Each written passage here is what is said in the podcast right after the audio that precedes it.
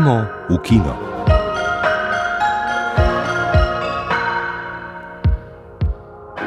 Drage poslušalke, dragi poslušalci, lepo pozdravljeni. Pred vrati je 38. festival LGBT filma, najstarejši festival posvečen kvirovskemu filmu v Evropi in najstarejši mednarodni filmski festival v Sloveniji. Prvič se je namreč odvil že leta 1984 v okviru tedanjega festivala Magnus. Letos bo potekal v Ljubljani, Mariboru, v Idriji, na Ptuju, v Kopru in drugod po Sloveniji.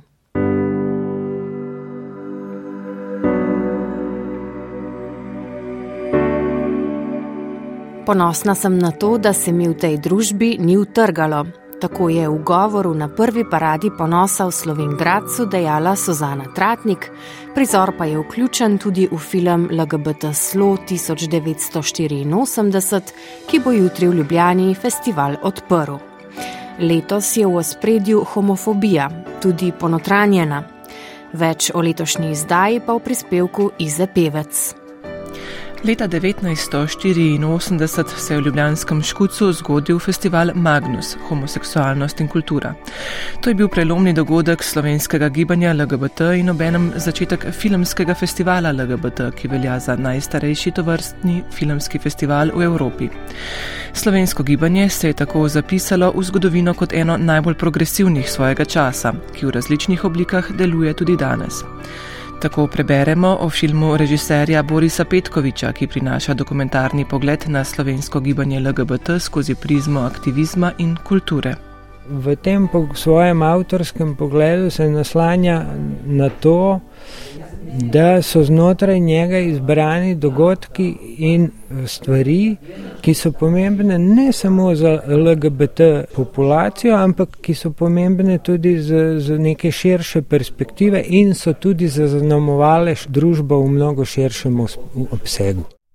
Tako v svojem filmu pove Boris Petkovič, ki povdarja še, da je gibanju LGBT dolga leta zatiranja in nasilja namesto v jezo uspelo preliti v kreativnost.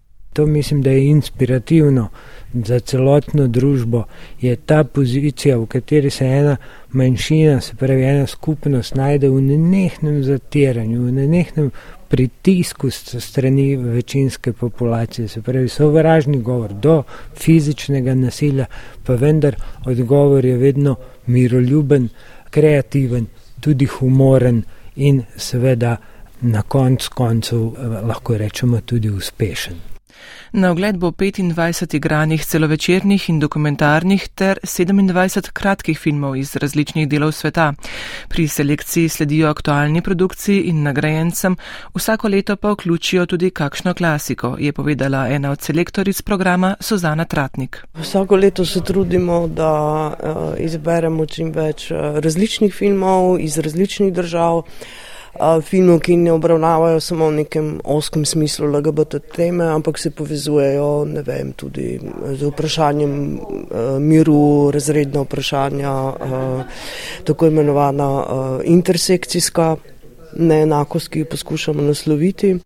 Med drugim bodo letos prikazali film Band iz leta 1997, ki temeli na istoimenski drami o preganjanju gejev v nacistični Nemčiji, po pričevanji Heinza Hegra v knjigi Možje z rožnatim trikotnikom.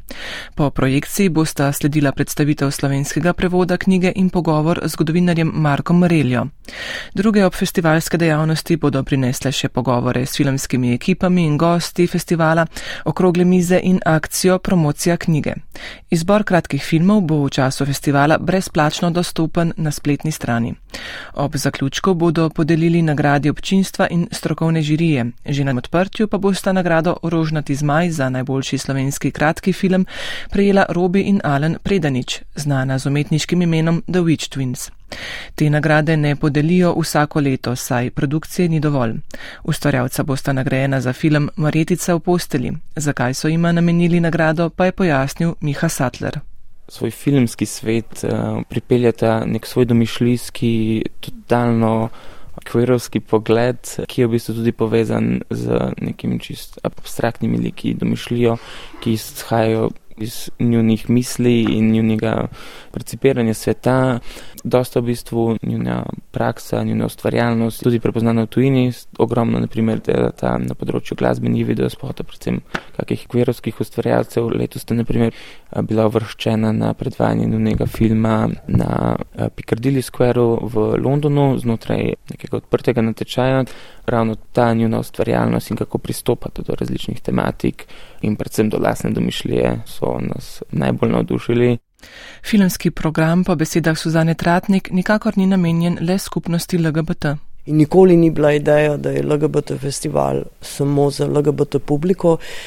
Na nek način je lahko mogoče še bolj nujno ali pa zanimivo za ne LGBT publiko, da spozna neke nove dimenzije.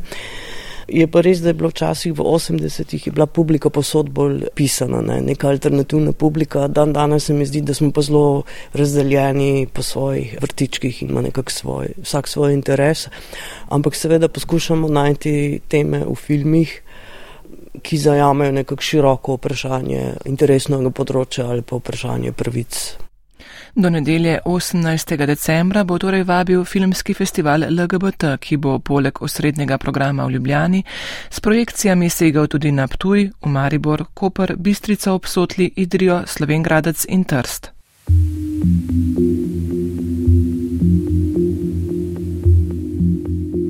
V slovenski kinoteki so v sodelovanju z SCCA Ljubljana in RTV Slovenija pričeli z retrospektivo vse stranskega umetnika. Kiparja, videasta, performerja in gledališčnika Marka A. Kovačiča, ki bo na sporedu vse do marca. Njegov avtorski opus na audiovizualnem področju se razteza vse od filma in videa do video performansa in video instalacij v galerijah, muzejih in industrijskih objektih. V večini svojih del poleg režije, zasnove in zgodbe sam pripravi tudi sceno, kostume in rekvizite ter sodeluje pri snemanju in montaži, včasih pa nastopa tudi pred kamero.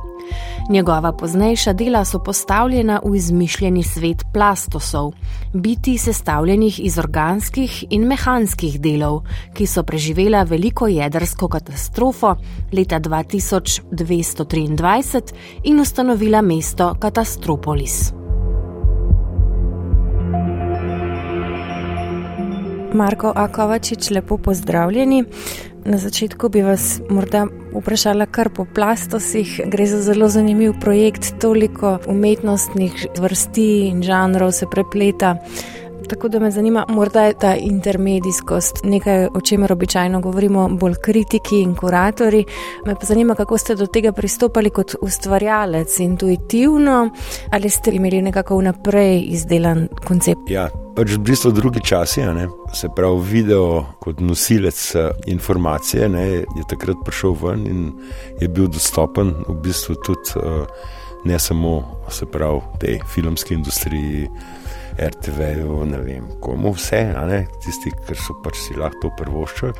S tem VHS-om smo pa dobili občutek, da, da lahko delamo in svojo televizijo, in svoje filme. In kar naenkrat uh, strošek filma ni več obstajal, ker kaseta je bila najkrajša, je bila eno uro. Ne. To se pravi, da si lahko ti.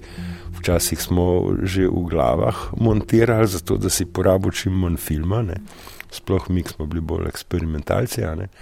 Si pravzaprav že pol montaže že tam na licu mesta naredil, oziroma si si, ker vsak meter filma je bil dragocen. Pa še to, kar smo mi uporabljali, se pravi, teh 8 mm, ne, to, so, to je bilo 3 minute, se pravi, kader je bil lahko dolg največ 3 minute. Ne. Mi smo se vsi trudili, čim več kadrov narediti v teh 3 minutah. Tako da nekako sem v tem duhu 80-ih gor rastel, kjer so nekako mediji postali dostopni tudi, tudi umetnikom. No. In se mi je zdelo to tako, no, itak so jim umetniki uporabljali tehnološka znanja, ali kaj bi rekel, so jih drugi pogruntali. Vem, od tiska naprej uno, so se umetniki nekako noter upletli ne, in so imeli prste umestno. Tako se mi zdi, da tudi bilo takrat v 80-ih, da je veliko ljudi, ki smo bili vizualci in nam je bilo to pač še eno urodje zraven. Sem pa, jaz, jaz sem po izobrazbi, sem jaz kipara. Ne? In uh, delal sem tudi v gledališču, to da mi je bila tudi scena, ni bila nekaj tujega ali nekaj, no, s tem sem gor rastel pravzaprav. In mi je bilo normalno, da se to vse poveže v pač. Film nam je pa itak bil na sedmo umetnost, ki je bila nad vsemi. Se pravi, ta tradicija od njega filma naprej, ne, s katerim smo mi gor rasli, ker moš ker je toliko stvari, na katere moraš biti pozoren. In te avtorski videi, ki smo jih mi delali, je bilo pač to, da smo bili pri celem procesu pravzaprav sami oziroma z našimi prijatelji in smo potem uh, in se istočasno učili in prakticirali pač te nove medije. Bi lahko mogoče še kaj bolj podrobno povedali o formatih? Eh, slišali smo Super 8, potem seveda VHS, eh, na koncu digitalno. Eh, mogoče kako bi primerjali delo z njimi, nekaj ste že povedali, ampak tudi v smislu ohranjanja teh filmov in videov. Ja, to se kakor uh, rato v enem trenutku problem, ker te formati so se menjali jaz mislim, da kar na vsake dve, tri leta. No. Tam pri pr tem mini, mini DV, ne, to se pravi, to so bile še vedno kasete, magnetne kasete ne, in že digitalno zapisane. To, to, to je kar držalo po moje deset let, ne. prej je bilo pa od beta, VHS, super VHS. Mislim, ne vem, sem že pozabil, koliko je bilo teh formatov. No. Ta mini DV je bil pa glih tako na meji, da Prav vem, en projekt sem delal s slovno televizijo, je šlo skozi, recimo. Veš, ker je standard, je tudi se dvigoval. In to je tudi, recimo, nas dos umetnikov smo pol odnehali, ker je bil standard, se je tako zvišal, da se spet rabu dobro kamero snemati, sem vsta to proceduro, ki pač sledi dobremu delu. Marko Kovačič, najlepša hvala za ta kratek pogovor.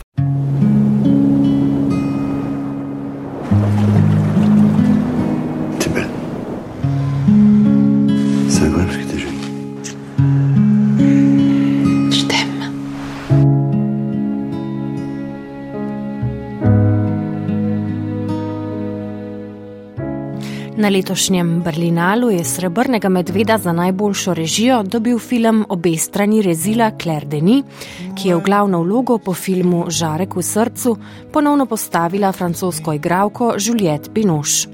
Ta tokrat upodablja žensko, razpeto med svojim možem in ljubimcem. Ogledala si ga je Tesa Drev Juh.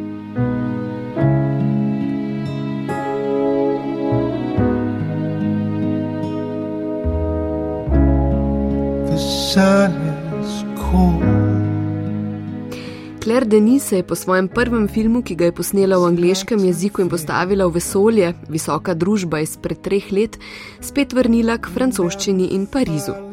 Odraščala je v francoskih kolonijah v Afriki in je svoje izkušnje iz mladosti prelila v več svojih del.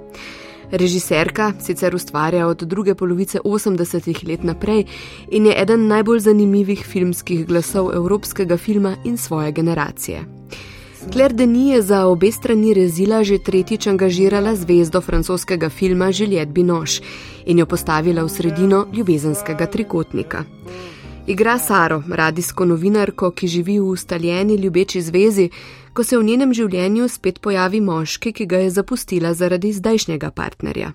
Vsekakor zanimiva postavitev, režiserka pa zgodbo o ženski, ki v poznih srednjih letih zaniha med dvema različnima moškima in različnima vrstama ljubezni, pelje mojstersko, zaradi česar si je zanj tudi prislužila srebrnega medveda za režijo v Berlinu.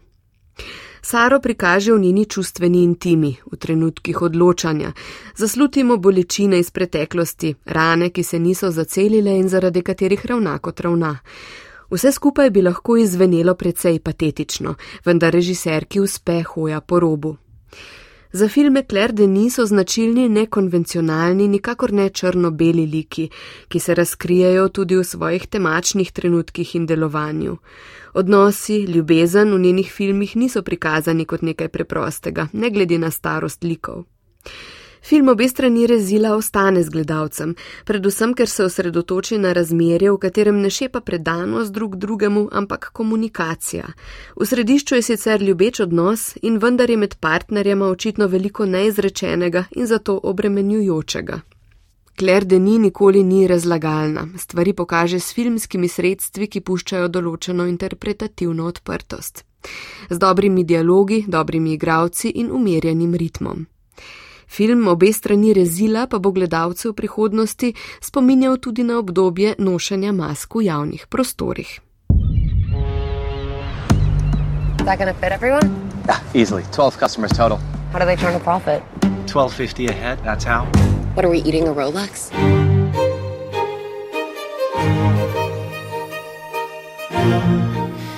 Filmi, ki parodirajo kulturne in umetniške prakse tako imenovane visoke družbe, so postali stalnica. Performativne in novomedijske umetnosti se ponujajo kot hvaležen filmski material. Kako je šele z visoko kuhinjo in zvezdniškimi šefi, ki se povprečnemu človeku zdijo kot komičen vrhunec dekadence? Prav ta je tema menija kulinarične grozljivke Marka Majloda, je zapisal Moani Sinanovič, ki film ocenjuje.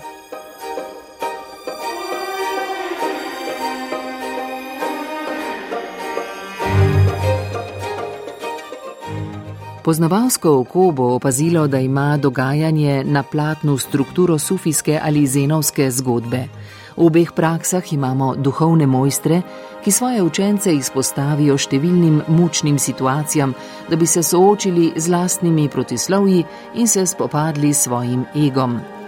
Poleg tega je tu še znani tradicionalni simbol kaznujočega in očiščujočega ognja. Prav tega se loti zvezdniški filmski šef, torej tudi v prevodu mojster Slovak, ki na otok povabi različne predstavnike elit, filmske zvezdnike, priznane kuharske kritike, uspenjajoče se in upokojene podjetnike, slučajno pa se tam znajde tudi poklicna spremljevalka. Slovak pripravlja veliko pojedino, najboljšo večerjo vseh časov. Elitne pogostitve so seveda tudi performansi, protagonist pa se odloči, da bo svojega pretiral do konca, tako da bodo vsi kaznovani za svoje grehe, vključno z njim. Kot je v duhovnih pripovedih v navadi, pa posebno na vides paradoksalno pozitivno vlogo odigra prostitutka. Film se začne spogledovati z repertoarjem žanrov in njihovih trikov, z grozljivkami, trilerjem in akcijo, vendar gre za svoje vrstno povzemanje, filmsko metafikcijo, grozo vedno spremlja parodična grotesknost, kot bi bila tudi referencialnost izraz samokritike, izčrpanosti filma kot umetnosti in njenega kulta vendar gre tu bolj za poigravanje in spogledovanje s takšno samokritiko, kot za izrazito držo. Meni lahko gledamo kot alegorijo krize umetnosti in umetnika samega. Klepenje po priznanju in slavi vodi v mizerijo, lastno delo je fetišizirano, želja pa je neskončna in se zato ne more uresničiti. Tako kot kuharstvo lahko iz hrane naredi kult, tudi kulturna produkcija iz umetnosti naredi kult, s čimeri oduzame pomen. Namesto razsvetljevanja nastopi samo nanašalni elitizem, želja po izražanju postane želja po sprejetosti. Istočasno pa je, kot nam film namigne, prav umetnost tista, ki lahko najde izhod iz lastne zagate. Na vse zadnje je tudi meni umetniško delo, ki to počne. Meni je zelo posrečen in pomenljiv komentar opisanega stanja. Morda je njegov edini problem to, da neprestano gradi suspens, ki ga ne more docela uresničiti. Pri posluževanju žanrskih tehnik in satiričnem spogledovanju z B-produkcijo naredi kakšen korak preveč in se zaplete, šala se vrne kot bumerang v počasnejšem letu. Kljub temu pa gre za enega najbolj relevantnih filmov leta. Good morning morning to you. Up and at 'em. I think I want to be an artist when I grow up. You're going to be an artist if you want to be. Nothing's going to stop you. You're going to college.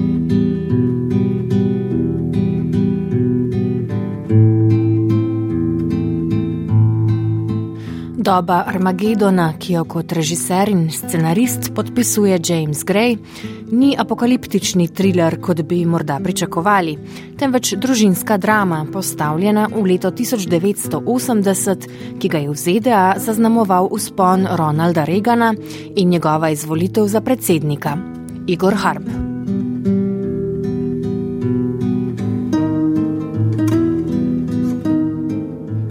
Naslov Doba Armagedona je večplasten.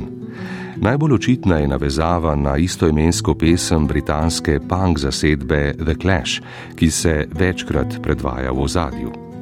Prav tako je povezan z Reganovo opasko v intervjuju, ki ga mimo grede vidimo na televiziji, da bi sprejemanje homoseksualnosti pomenilo novo Sodomo in Gomoro ter prineslo konec sveta. Hkrati je bil to seveda tudi čas hladne vojne in nenehne grožnje jedrskega konflikta. Čeprav junaki filma tega ne izpostavijo, je iz ozadja dogajanja jasno razviden tudi ta pritisk ter stiska, ki jo prinaša. Glavni junak filma je 12-letni Pol, ki se prvi dan šole spoprijatelji z novim sošolcem Johnnyjem.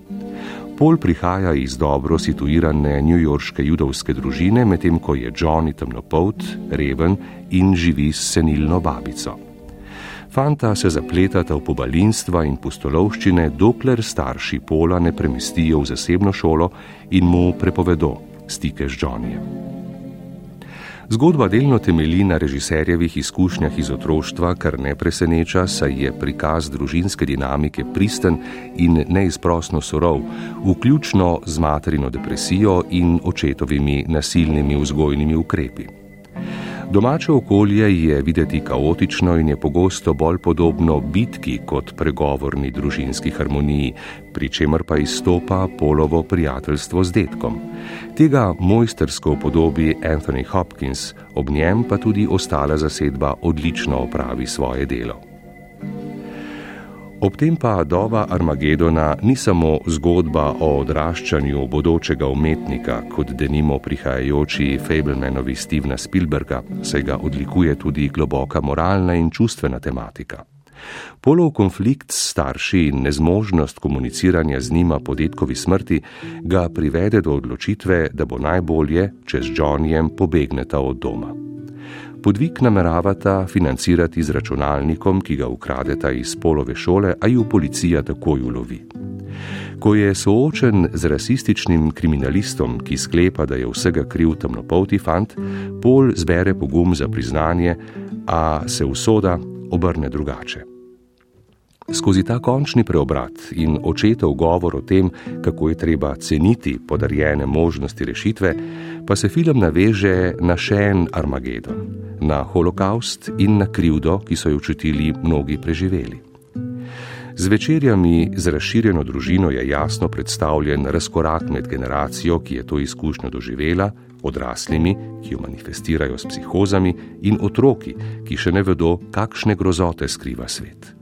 A se učijo in nekega dne lahko posnamejo film, kot je ta.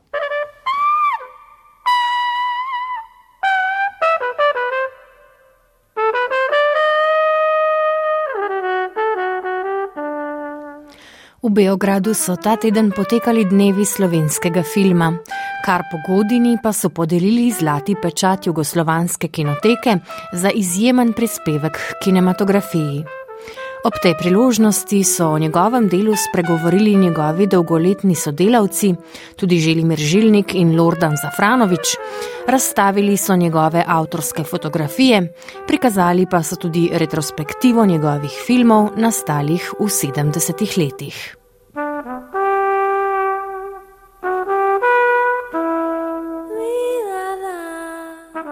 Kar pogodina, lepo pozdravljeni in čestitke za zlati pečat Jugoslovanske kinoteke za izjemen prispevek k kinematografiji.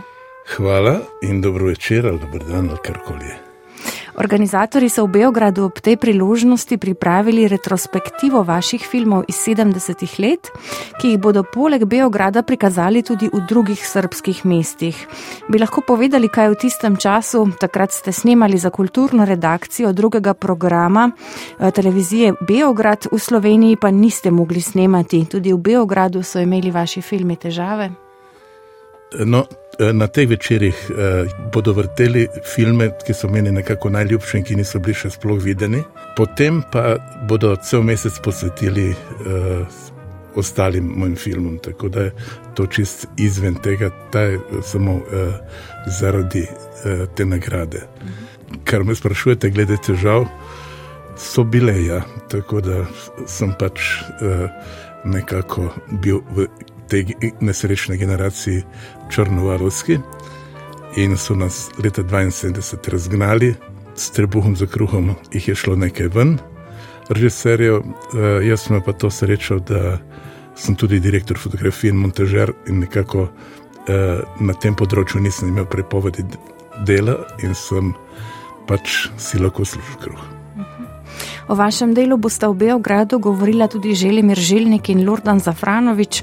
Poznate ju samih začetkov filmskega ustvarjanja, kot ste rekli, ste sodelovali z njima kot direktor fotografije. Z Žilnikom sta imela oba podobne težave. Kako se je vajn oziroma vaš ustvarjalni in osebni odnos spreminjal skozi leta? Žilnik je pravzaprav kriv, da sem šel celo črn film kot direktor fotografije, ker me leta 67 povabil, da mu posnamem njegov prvi film, zgodnja dela in tako, če me on ne bi povabil, verjetno sploh ne bi bil direktor fotografije. No, in potem, ko je Lorden videl, kaj sem napravil, me, me pa še Lorden vzel, tako da sem praktično, potem sem še žilnikom napravil uh, dva filma in smo že iskali neke nove forme.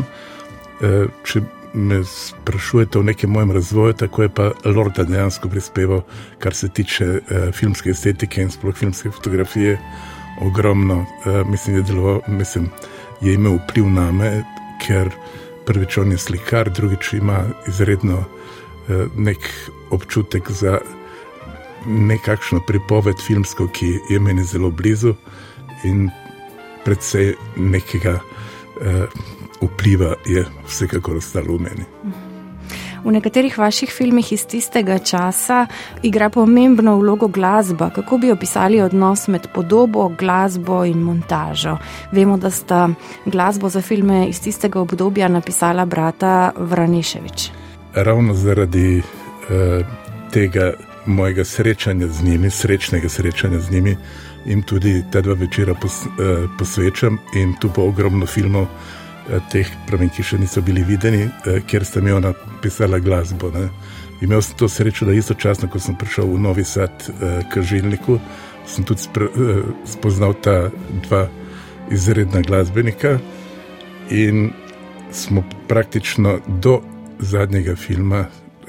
Je kakšen film bil tudi vmes, ko mi je kdo drug napravil glasbo, ampak v glavnem sta bila to moja soavtorja v glasbi do umetnega raja, eh, vključno z umetnim rajem. In vnaprej sem že vedel, tudi ko sem snemal, nekako, kako bo glasba določen kader, določeno sekvenco preoblikovala. Tako da mi je bilo na en način dosti lažje delati z nekim tako eh, čutenim predznanjem. Filmoteka.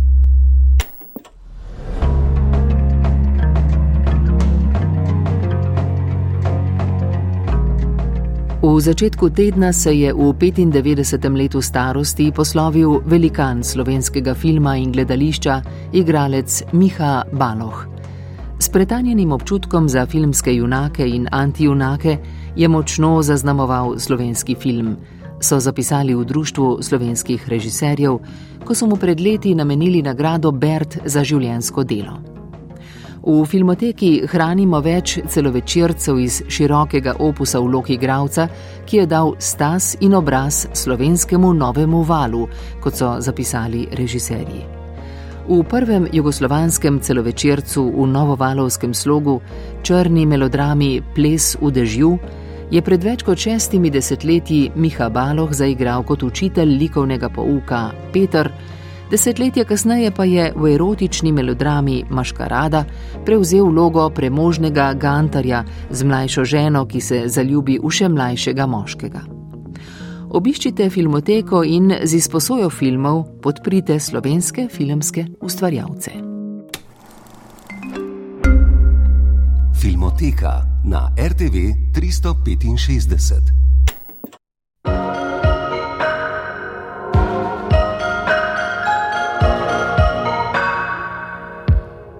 Dragi poslušalke, dragi poslušalci, s tem končujemo tokratno oddajo Gremo v kino. Oblikovali smo jo Maja Mol, Renato Horvat, Tina Ogrin, Jrnej Boc in Tina Poglajen. Želimo vam veliko užitkov ob dobrih filmih in vas lepo pozdravljamo do prihodnjega tedna.